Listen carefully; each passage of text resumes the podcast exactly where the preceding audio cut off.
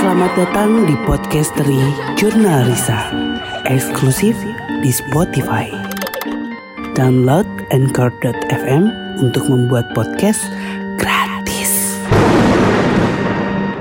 Assalamualaikum warahmatullahi wabarakatuh. Selamat datang di podcasteri Jurnal Risa. Eksklusif on Spotify. Hai semuanya, kembali lagi bareng saya sama Pak RT Buat cerita-cerita lagi pengalaman-pengalaman pribadi Mengenai segala sesuatu tentang mereka yang pernah kita rasakan secara langsung Ataupun kita mendapat cerita dari orang lain yang bisa kita tuangkan dan bisa kalian dengarkan di setiap hari Senin, hari Rabu, dan hari Jumat. Jadi kita kurang memanjakan kalian apa lagi sih sebetulnya? Hari Senin kalian bisa dengerin podcast kita, hari berikutnya kalian bisa nonton video kita, hari berikutnya lagi ada podcastnya lagi, ada video lagi, ada podcastnya lagi. Jadi benar-benar dimanjakan oleh jurnalisa buat kalian semua yang ada di rumah di mana pun kalian berada, di rumah, di kantor, ataupun kalian lagi nunggu busway, ataupun lagi nunggu angkot, ataupun lagi nunggu ojek online, atau apa pun itu, kalian bisa dengerin podcasteri jurnalisa di mana pun kalian mau. By the way, selamat tahun baru 2022. Buat semuanya, semoga apa yang kalian cita-citakan dan belum tercapai di tahun sebelumnya, Mudah-mudahan di tahun ini kalian semua bisa mencapai apa keinginan kalian ya. Amin, amin. Tapi ada yang susah di tahun ini. Karena dari tahun kemarin, lagi, lagi, dan lagi, saya masih sendirian. Ada yang sama gak sih? Kalau ada yang sama, dan sekarang masih sendirian terus, hati-hati loh. Kemarin baru aja, saya pergi-pergian naik motor karena sendirian, saya coba jalan-jalan ke salah satu hutan kota di kota Bandung. Padahal di tengah-tengah kota, saya main ke sana hanya untuk nongkrong aja sambil mesen teh manis panas karena waktu itu saya agak masuk angin jadi niatnya mau ngadem eh malah jadi serem bukannya enak sepi terus dengerin suara angin, niup-niupin pohon-pohon di sana. Tapi apa yang saya dapat adalah ternyata saya diikutin sama salah satu sosok cewek yang ada di sana sampai ke rumah. Karena apa? Karena pada saat saya memarkirkan motor di rumah, itu posisinya sudah jam 11 malam. Seperti biasa gak sih kalau pulang ke rumah tuh nyarum motor, standarin motor, kita lepas helm dulu, setelah itu baru jalan menuju rumah. Nah kebetulan posisi garasi motor menuju rumah tuh agak terlalu jauh sih tapi memang harus agak jalan dulu buat jalan ke rumah tuh.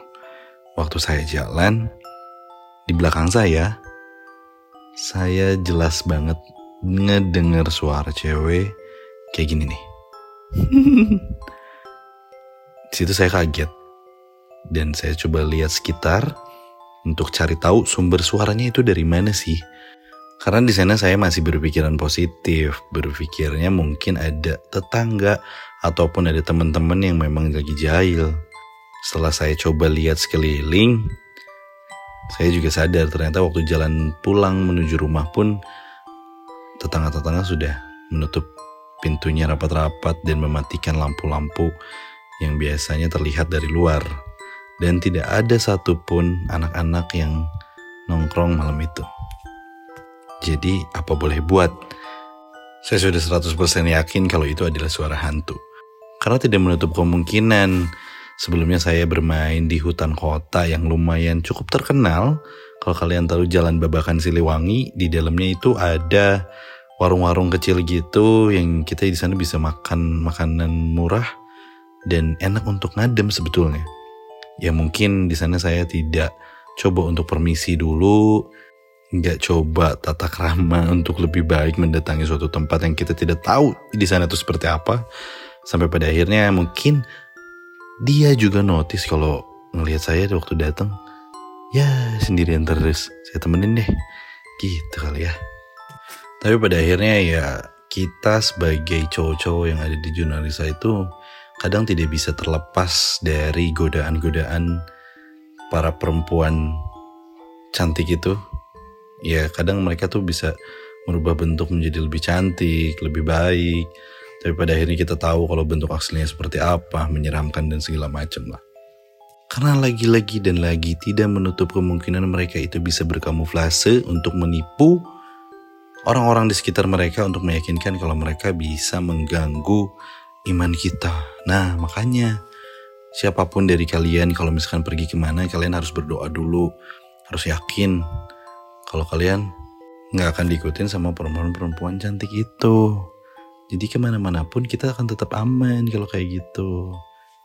Nah, itu adalah sedikit intermezzo karena ini baru kejadian kemarin-kemarin kayak sayang kalau nggak diceritain.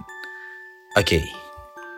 sekarang saya mau cerita waktu jurnal Risa pergi ke salah satu daerah di Jawa pada saat itu kita melakukan syuting di sana di beberapa lokasi dan ternyata sejarah di tempat itu pun sangat-sangat luar biasa. Karena bagi saya yang sangat suka dengan sejarah walaupun tidak pernah baca, tapi saya suka mengikuti cerita-cerita yang ada di sana. Kalian tahu di mana? Apa kalian bisa menebak? Tidak? Oke. Kotanya adalah Kebumen. Ya, beberapa tahun lalu kita full tim melakukan perjalanan dan memutuskan kita harus pergi ke mana, yaitu ke Kebumen untuk melakukan syuting di beberapa lokasi di sana. Kalau kalian sudah nonton videonya, kita mengunjungi beberapa bangunan bersejarah yang ada di sana, dari zaman kolonial hingga digunakannya sekarang seperti apa.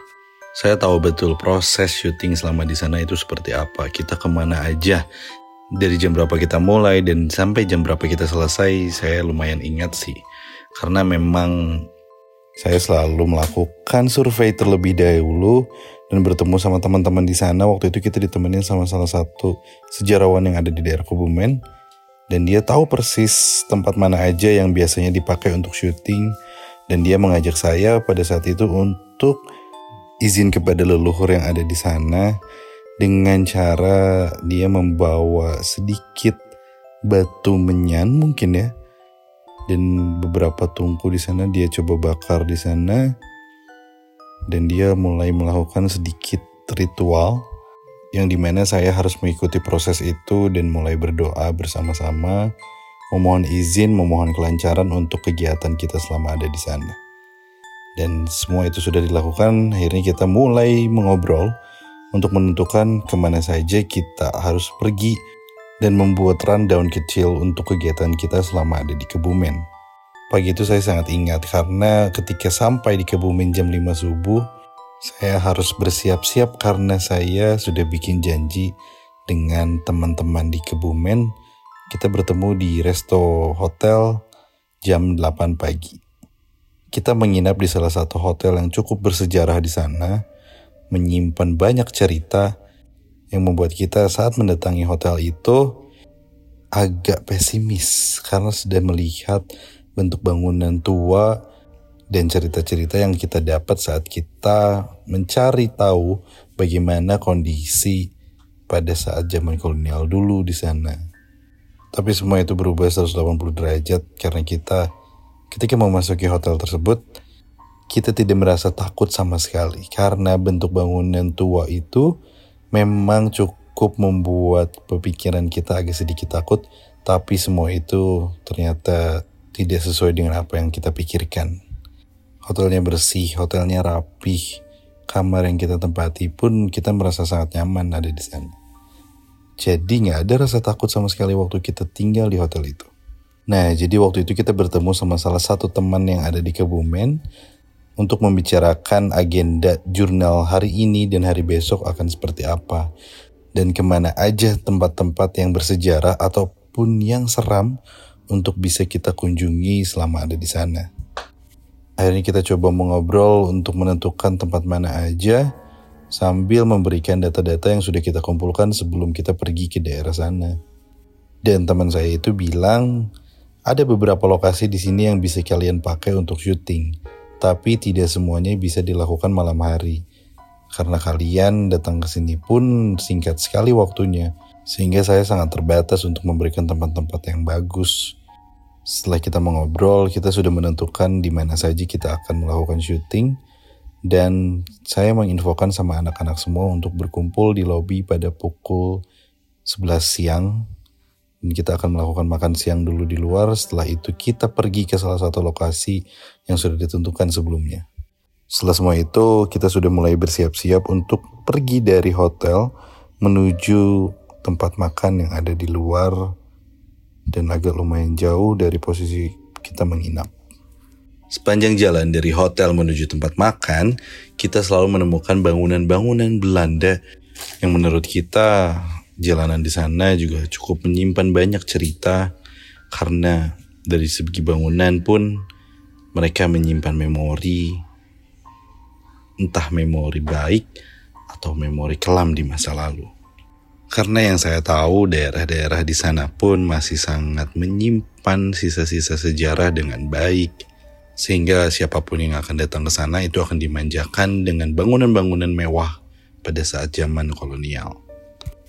Pada saat itu kita mengunjungi salah satu tempat makan yang posisinya berada di seberang pintu air dan teman saya bilang di sana waktu itu itu salah satu pintu air yang bangunannya dibuat oleh Belanda. Singkat cerita ketika kita sudah selesai makan, saya masih ingat betul waktu itu jam 2 siang dan di sana kita mengunjungi salah satu pusat perbelanjaan oleh-oleh yang kita beli untuk kita bawa pulang pada saat kita menuju Bandung pada esok harinya. Setelah semua itu selesai, akhirnya kita mulai pergi mengunjungi salah satu bangunan untuk kita lakukan syuting pertama saat di Kebumen adalah Benteng Van der Wijk. Ya, kurang lebih perjalanan dari hotel menuju tempat makan itu sangat jauh. Padahal benteng Van der Wijk itu berada dekat dari hotel yang kita tempati pada saat itu. Akhirnya kita sampai di sana kurang lebih pukul 4 sore. Sampai akhirnya kita melakukan syuting di sana sampai waktu maghrib. Seperti biasa yang saya lakukan ketika kegiatan syuting berlangsung. Saya akan tanya sama Teresa untuk meminta izin sebelum kita mulai syuting. Kita harus briefing dulu sehingga apa yang kita katakan itu sesuai dengan apa yang disampaikan oleh sejarawan di sana ataupun orang yang lebih paham tentang tempat itu.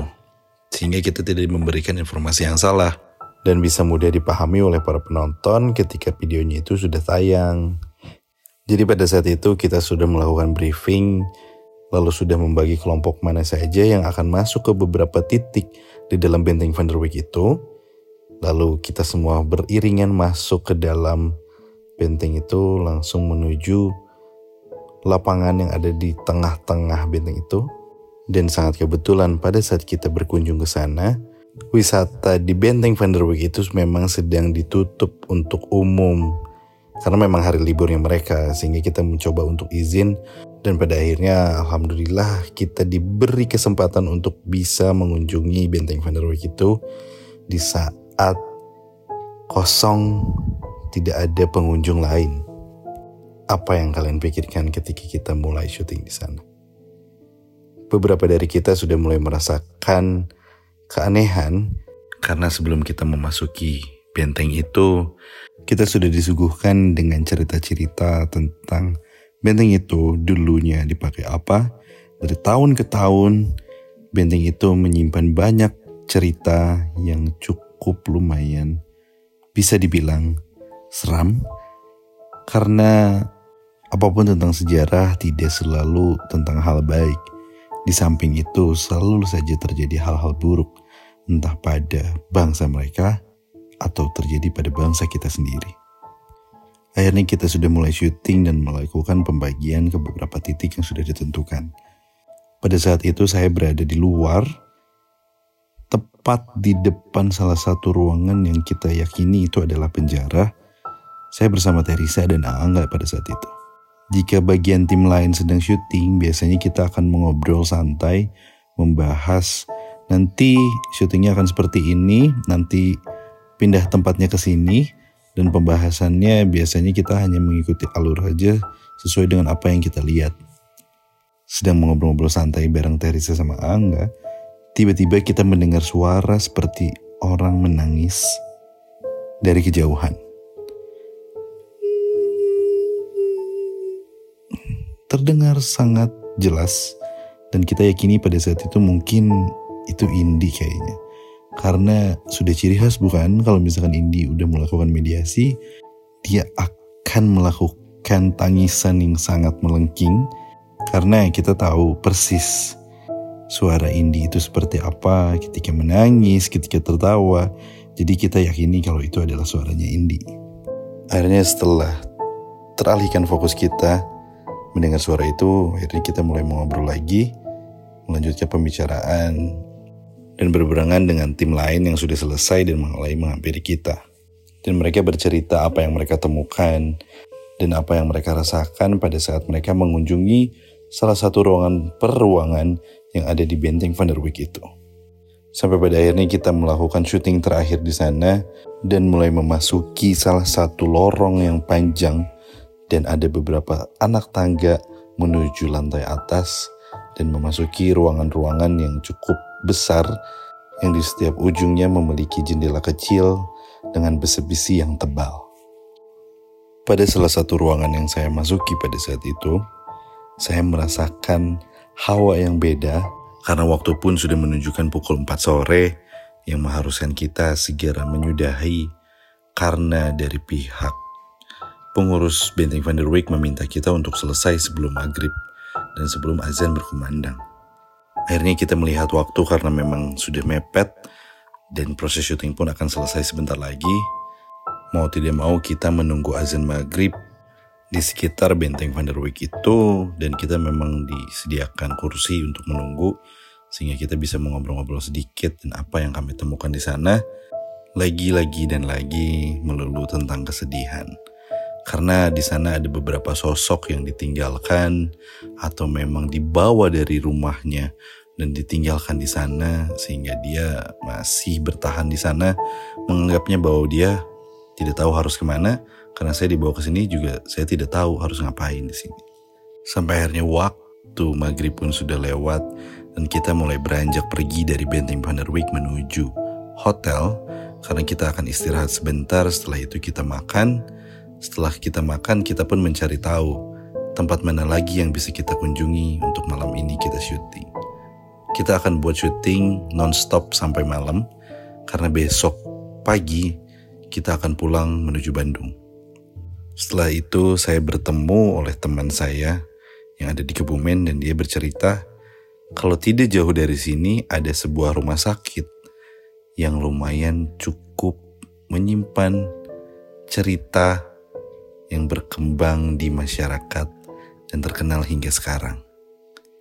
Kalian mau tahu ceritanya seperti apa? Yang saya dengar pada saat itu adalah ada satu pasangan yang akan melakukan persalinan di rumah sakit itu karena mereka tidak tahu kalau ternyata pemerintah sudah memindahkan rumah sakit daerahnya ke daerah lain. Sehingga pasangan itu masih belum mendapat informasi kalau misalkan rumah sakit daerah itu sudah tidak di tempat itu lagi. Akhirnya mereka datang ke rumah sakit itu.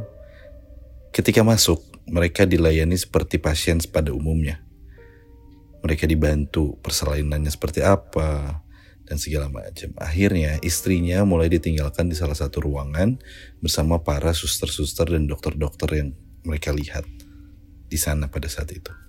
Suaminya keluar untuk mencari kelengkapan atau kebutuhan yang dia butuhkan dan akhirnya ketika kembali dia kaget karena ternyata rumah sakitnya sudah kumuh, sudah kotor dan dia menemukan istrinya berada di atas meja keramik dan bayinya dibalut oleh gorden atau kain-kain bekas yang ada di rumah sakit itu.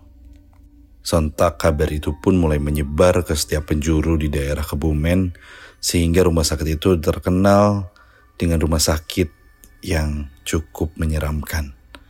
Akhirnya kita berkesempatan untuk mengunjungi salah satu rumah sakit itu dan ya ketika kita mulai syuting di sana, baru kita mulai opening, kita sudah mendengar suara Wanita tertawa di setiap ruangan yang kita lewati. Teman saya bilang beberapa orang yang melakukan kegiatan sama di sini mereka selalu tidak kuat karena gangguannya yang cukup ekstrim. Setelah itu kita mendengar suara berisiknya kelelawar yang berterbangan ke sana kemari dan akhirnya saya pun menemukan satu sosok yang berada di atas genting salah satu bangunan di rumah sakit itu dan saya coba perhatikan lebih dalam. Dan ya ternyata itu memang perempuan yang berdiri di atas genting. Saya coba mengajak Aangga untuk melihat bersama-sama. Sampai pada akhirnya Aangga tertawa. Dan kita berpikiran berani sekali perempuan jelek itu mewujudkan wujudnya di depan kita dengan sangat jelas. Karena yang kita tahu, biasanya perempuan-perempuan seperti itu tidak akan terlalu jelas memperlihatkan bagaimana bentuknya atau bagaimana dia rupanya seperti apa mereka tidak akan pernah mau sebetulnya. Sehingga pada akhirnya kita melihat sosok itu lumayan lama dan kita mengobrol sebentar ketika kita menengok lagi sosok itu sudah tidak ada. Di sana saya merasakan sangat tegang karena saya tidak tahu harus berbuat apa. Saya sekuat mungkin, seyakin mungkin membaca doa yang saya bisa sehingga mungkin itu adalah salah satu faktor kenapa sosok itu bisa pergi. Setelah itu kita melihat sekitar tempat duduk mana lagi untuk melakukan syuting kedua untuk tim 2, syuting ketiga untuk tim 3. Ini kita mulai mengunjungi ruangan peruangan dan kita benar-benar jalan bersama-sama saling memegang satu sama lain. Ketika mulai syuting untuk kelompok dua, di sana saya masih ingat Farul menjadi salah satu bagian dari kelompok itu dan dia tiba-tiba berteriak karena katanya dia melihat sosok perempuan dengan rambut yang sangat panjang menjuntai hingga ke lantai karena dia baru pertama kali melihat sosok hantu secara langsung selama proses syuting ini. Cukup lumayan lama. Dia berani jujur. Biasanya dia hanya melihat sekelebatan atau hanya melihat bayangan-bayangan hitam saja. Tapi kali ini dia yakin kalau dia melihat sosok perempuan dengan rambut panjang yang menutup mukanya dan menjuntai menyentuh lantai. Itu membuat dia shock sehingga proses syuting pun agak di stop dulu karena melihat respon dia yang mulai pucat dan dia masih bingung harus seperti apa. Akhirnya saya coba tenangkan dia dengan bilang istighfar Fahrul, istighfar Fahrul, istighfar. Saya membimbing dia untuk mengucap istighfar karena badan dia lemas muka dia pucat. Dia tidak bisa bicara apa-apa, yang bisa dia keluarkan adalah hanya suara kayak gitu. Akhirnya lambat laun Angga menghampiri Fahrul dan mulai membacakan doa untuk membersihkan Fahrul, menenangkan Fahrul karena sepertinya Fahrul tidak bisa melanjutkan proses syuting lagi. Sampai pada akhirnya timnya mulai berubah dan pada saat itu, Indi, Teresa, dan Riri mengatakan sesuatu pada saya. Hantu yang tadi ke Fahrul itu ada di belakang enak. Indi mengatakan seperti itu dengan wajah ketakutan sambil memegang Teresa dengan kuat. Akhirnya saya mulai merasakan sesuatu berada di belakang saya yang membuat badan saya tidak berhenti merinding dan perlahan punggung menuju leher itu mulai terasa berat. Pada akhirnya saya bilang sama Angga kalau saya udah gak kuat untuk nahan ini. Karena tiba-tiba saya mendapat visualisasi yang sangat jelas tentang sosok itu. Angga hanya bilang, coba bersihin aja sendiri. Belajar mau sampai kapan dibantuin terus. Kalian mau mikir apa kalau misalkan Angga udah jawab kayak gitu? Saya aja bingung. Akhirnya kita mulai pindah lebih dalam menuju rumah sakit itu dan saya dapat gambaran tentang sosok itu seperti apa karena ketika saya melewati kaca jendela yang tersorot lampu itu akan memantulkan bayangan kita. Yang saya lihat pada saat itu adalah bukan bayangan saya sendiri, melainkan perempuan dengan rambut yang panjang menjuntai hingga ke lantai itu ternyata dia jalan berbarengan dengan saya. Akhirnya saya coba menghampiri Angga lagi dan bilang, ah saya nggak bisa, saya udah coba sendiri. Sekarang malah makin berat. Terus tadi saya lihat seperti ini bla bla bla bla bla bla. Angga hanya ketawa dan bilang, ya udah sini, kamu baca ini, nanti saya coba bantuin dari sini. Oke. Okay. Setelah itu selesai dan saya merasa lebih baik. Tapi sosok itu tidak berhenti saya pikirkan karena terus tergambar apa yang saya lihat sebelumnya di jendela. Ternyata sosoknya agak lumayan menyeramkan. Pada akhirnya kita mulai menuju lebih dalam lagi dari rumah sakit itu. Yang kita menemukan bangsal-bangsal yang katanya pasangan suami istri itu melakukan persalinan di salah satu bangsal yang ada di sana. Akhirnya kita menemukan sosok itu dan bertanya, kenapa kalian melakukan itu? Dan mereka menjawab, ini soal kemanusiaan. Bukan karena hal apa pun kita membantu mereka. Karena ini sudah kewajiban kita membantu sesama manusia. Yang cukup menyeramkan adalah apa yang dilihat oleh suami istri itu ketika melakukan persalinan mereka terheran-heran karena katanya di rumah sakit itu tidak ada orang Indonesia sama sekali. Yang mereka lihat adalah orang-orang bule, orang-orang Belanda yang memakai baju-baju perawat seperti dokter pada umumnya. Mereka tidak berpikir panjang karena mereka mikirnya, ya sudah istri saya mau melahirkan, saya harus segera mencari rumah sakit terdekat yang ada, ya sudah akhirnya berjalan seperti itu aja. Sehingga akhirnya kita melakukan syuting lebih dalam lagi, lebih jauh lagi dari pintu masuk di depan. Dan di akhir kita menemukan kamar jenazah. Ketika kita mulai memasuki di sana, teman saya bilang, jangan lama-lama. Saya udah ngerasa nggak enak. Jujur aja, Kres, Biasanya saya suka lempeng-lempeng aja, tapi kali ini saya nggak tahu ngerasanya aneh banget. Makanya kalau misalkan udah selesai, kita harus buru-buru keluar dari tempat ini. Ketika memasuki ruang jenazah itu, kita disambut oleh sosok-sosok yang lumayan cukup banyak menunggu kita untuk berbicara pada mereka satu persatu. Tapi setelah kita menemukan satu sosok yang cukup besar di sana dan dia mulai marah-marah karena kita dianggap mengganggu mereka semua. Sehingga dari situ kita mulai stop merecord video dan akhirnya kita mulai pergi berjalan menuju pintu keluar. Tapi masing-masing dari kita mulai merasakan ada yang aneh.